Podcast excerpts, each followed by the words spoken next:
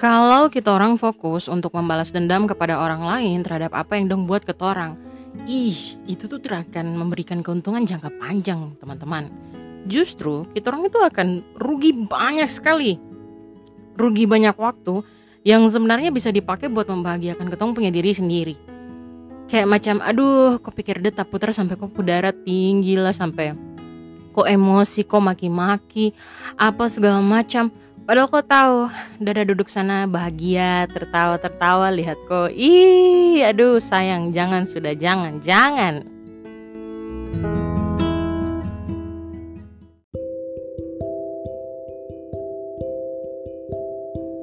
Kembali lagi bersama saya Jenny Karai dalam kita punya podcast bersama cerita seru bareng Jenny Karai masih dalam kondisi hashtag di rumah aja gimana nih kabarnya teman-teman?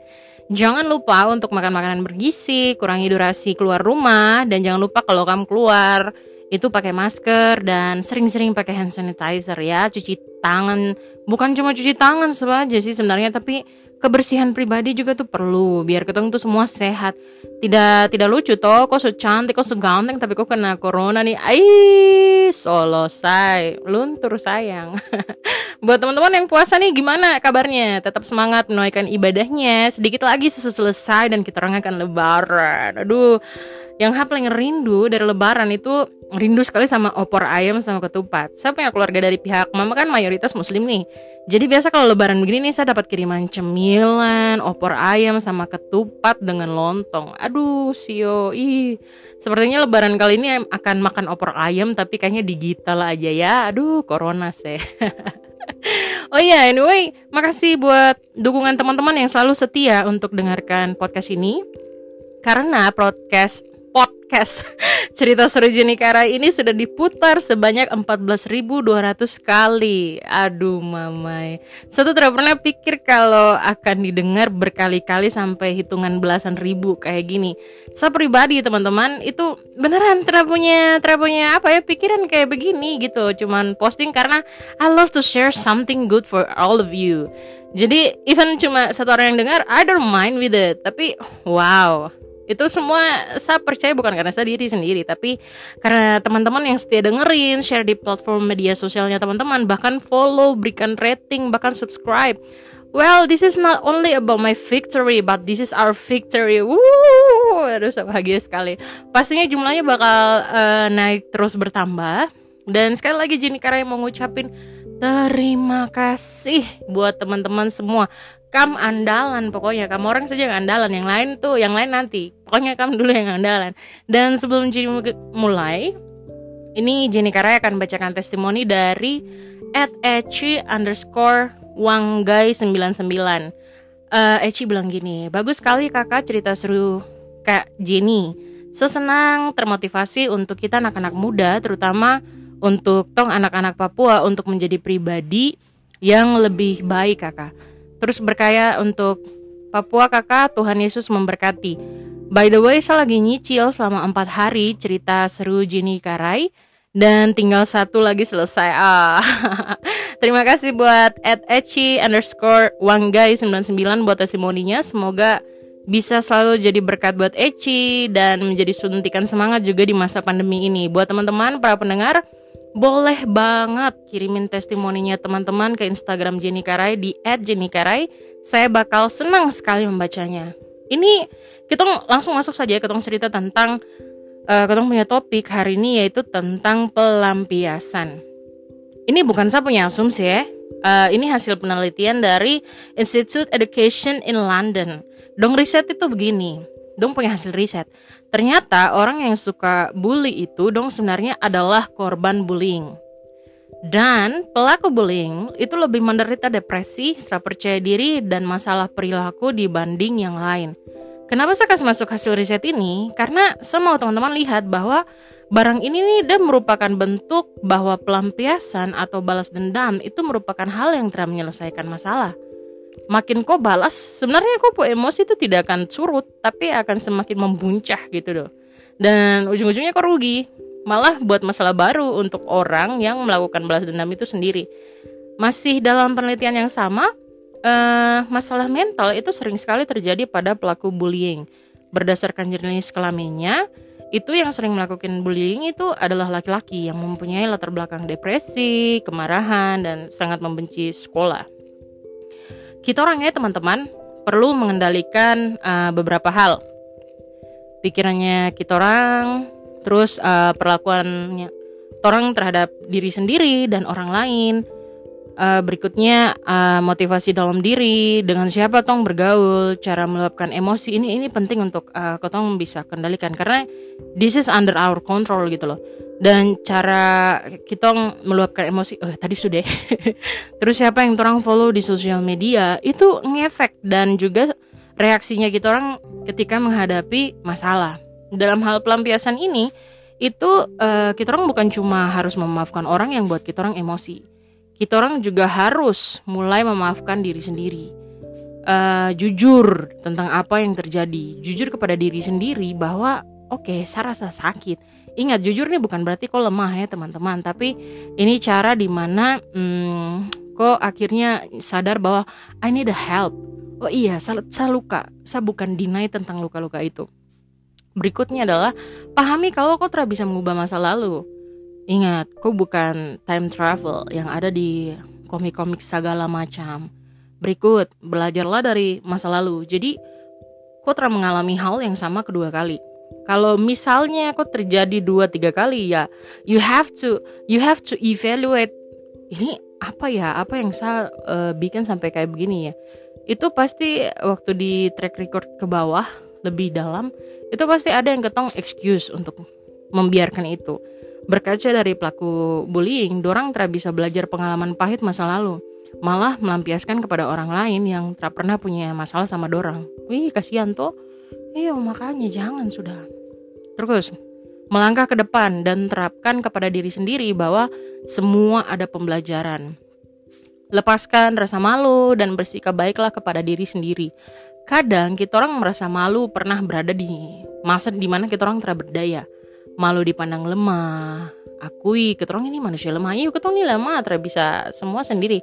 Wong keterong lahir saja keterong butuh keterong mama bapak untuk gendong torang untuk kurus torang menurut ko.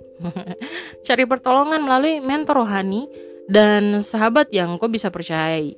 Dan berikutnya adalah jangan pernah lupa untuk minta Tuhan bantu kita untuk dapat memaafkan diri sendiri karena poin-poin yang Jenny Karai sebut ya yang tadi itu yang banyak itu yang tadi di atas itu tuh semua butuh waktu butuh proses. Tidak bisa kok bikin satu kali langsung haleluya I'm changing. Tidak bisa butuh proses sayang. Semua butuh proses. Selain hal-hal di atas yang kita orang bisa kontrol, ada juga hal-hal yang tidak bisa kita orang kontrol. Contoh, seperti perubahan perubahan selalu ada dan kita orang tidak pernah tahu kapan itu terjadi. Saya kasih contoh real aja, contohnya awal tahun 2020, mendadak kita orang mengenal wabah COVID-19 atau corona. Penyakit baru yang tidak pernah tong tahu ini, semuanya mendadak berubah. Cara kita orang belanja, berpakaian, bahkan sekolah, kebersihan, sampai berkomunikasi dengan teman-teman. Everything's changing. Dan juga berikutnya, penilaian orang lain tentang dirinya kita orang kita orang tidak bisa memaksa orang lain berpikiran sama dengan torang. Dan kita orang tidak bisa memaksa dorang juga untuk berpikiran positif terhadap orang. Kadang tuh ya ya gitu. Kok sudah buat baik tapi macam orang iri kok. Kayak gitu. Tenang, saya juga mengalami. Terus berikutnya, perilaku orang lain terhadap kita orang. Kadang kita berpikir kita sudah baik dengan orang lain. Ya ini masih ada koneksinya dengan yang di atas. Tapi orang yang tong uh, baikin itu macam tersuka kita orang. Kita orang bisa bicara padanya bahwa tersetuju dengan apa yang dorang lakukan ke kita orang. Tetapi sampai merubah perilaku dorang, hmm, tong bisa atur itu kayak gitu. Jadi kalau kau sebaik sama orang, tapi macam orang itu masih benci, cemburu, iri, saya kasih tahu, kasih tinggal dia. Kalau kau pikir dorang terus, kau pusing kok mau cari sampai akar masalah juga kok pusing. Karena kok sudah baik kok sudah manis kok tidak pernah bikin masalah apa-apa. Dong masih tetap iri kok jadi mendingan sayonara saja deh. Dengan kelakuan-kelakuan model begitu. Berikut kamu nggak bisa ngerubah masa lalu. Kadang Memang orang suka sekali menyesali kejadian atau keputusan yang orang buat di masa lalu. Aduh, seandainya saya begini, aduh seandainya saya ambil itu, aduh seandainya itu saya bisa lebih begini, begitu. Uh, penyesalan banyak di ketong punya kepala nih tak putar sampai uh, bikin ketong kalau dengar lagu galau lagi tambah sudah tambah tambah. Teman, tidak usah diratapi. Barang itu terakan berubah. Yang perlu orang lakukan saat ini itu adalah kita orang mengetahui pelajaran apa yang perlu dipetik dari kejadian pada masa lalu nan lampau itu. Jangan sedih-sedih lagi, jangan meraju-meraju lagi, terapa-apa. Lepas saja. Dan juga yang terakhir, kut juga tidak bisa rubah masa depan. Kita orang bisa melakukan yang terbaik di masa kini. Berharap masa depan baik-baik saja. Tapi kok mau berharap bagaimana? Kok boleh berharap, tapi ingat kita orang tidak bisa mengontrol jalannya kita orang punya kehidupan ke depan kayak bagaimana. Jadi cuma ketong cuma bisa be maximize in our presence gitu loh. Yang ke depan have faith bahwa oke okay, kalau saya buat yang baik pasti ada yang baik. Tapi at least this is life bro. Sis. Pasti nanti akan ada sesuatu yang berubah di depan yang ketong tidak akan tahu. But still be present. Be the best in the present. Dan kalau kita orang fokus untuk membalas dendam kepada orang lain terhadap apa yang dong buat ke orang. Itu tuh akan memberikan keuntungan jangka panjang. Kalau kok pebisnis pasti kok akan pikir toh mau keuntungan jangka pendek apa jangka panjang? Kalau ketong bicara tentang apa sih uh, risk risk risk potential business kayak begitu.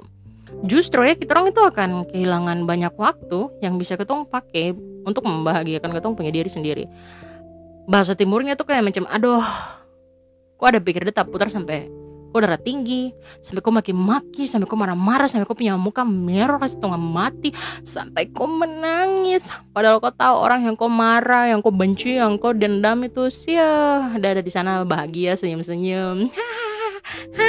Gitu. terus kok siksa kok diri sendiri. Ay dong bilang kurgi banyak sayang. Dan Bukankah Tuhan Yesus mengajarkan kita orang untuk mengampuni?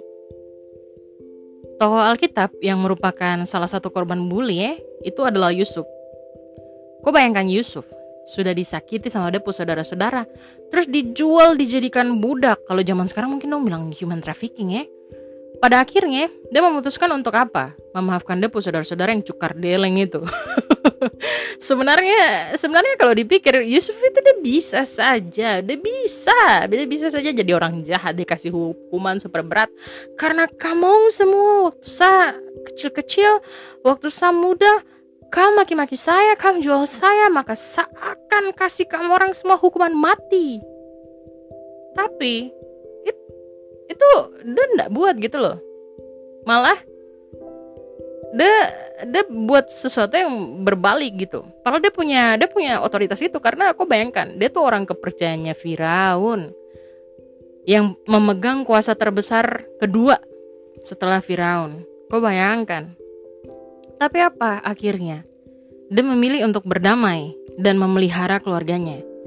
Yusuf sebenarnya mengajarkan kita orang bahwa balas dendam bukan merupakan satu-satunya pilihan. Karena niat dan reaksinya yang benar terhadap permasalahan hidup, Tuhan itu nggak nggak buta gitu loh. Tuhan kasih dia posisi tinggi di pemerintahan Mesir. Kok bisa bayangkan kan? Tidak. Kalau Yusuf dia memilih untuk menjadi pahit terhadap kehidupan, dia bisa aja jadi pemimpin, bisa, bisa, bisa. Tapi dia akan lebih jahat dari Firaun. Karena itu tadi dan membiarkan dirinya dia dipenuhi dengan kepahitan. Saya jadi ingat Yosua 1 ayat 9. Bukankah telah kuperintahkan kepadamu, kuatkan dan teguhkanlah hatimu? Janganlah kecut dan tawar hati sebab Tuhan Allahmu menyertai engkau ke mana pun engkau pergi. Bahwa memang kuatkan dan teguhkan hatinya kita. Jangan kecut, jangan tawar hati. Yang terjadi di belakang-belakang, jangan kecut, jangan tawar hati kuatkan hati, teguhkan hati, jadikan itu pelajaran dan maju dan minta Tuhan sertai. Go ahead, jalan kok, ndak usah kau lihat ke belakang. Dan Jenny Karaya akan tutup episode podcast ini dengan sebuah kesaksian dari uh, seorang teman yang menceritakan kisah ini kepada Jenny Karai. Jadi ini dia punya cerita yang saya ceritakan lagi. Jadi ada seorang gadis yang semasa hidupnya dituntut untuk membuat bangga dia punya bapak. Nah, perempuan nih, dia terapandai di pelajaran berhitung. Tapi perempuan bapak itu tuntut dia untuk harus dia dapat nilai tinggi di pelajaran berhitung di sekolah. Dan bayangkan, dia berkali-kali sampai akhirnya perempuan nih dia hampir ternaik kelas hanya karena tiga pelajaran, matematika, fisika, dan kimia. Di tiga pelajaran itu dia dapatkan nilai paling jelek karena itu tadi dia memang lemah di hitung menghitung. Tapi teman-teman tahu di pelajaran sosial perempuan nih malah dia punya nilai itu paling bagus, paling tinggi. Baru kamu tahu kan teman-teman, dia pu bapak tuh kepala maki-maki dia habis-habisan. Karena apa? Karena dia punya nilai yang jelek di pelajaran yang ada berhitungnya tadi. Singkat cerita, anak ini dia memilih kuliah di salah satu jurusan sosial di universitas swasta. Dan dia berhasil mendapatkan nilai tinggi. Dia punya IPK, teman-teman, itu di atas tiga dan aktif organisasi. Jadi di dia punya universitas itu ada kayak macam uh, gelar gitu. Uh, bahwa kok cerdas dan secara sosial kok aktif dan kok smart. Makanya dibilang aktif organisasi.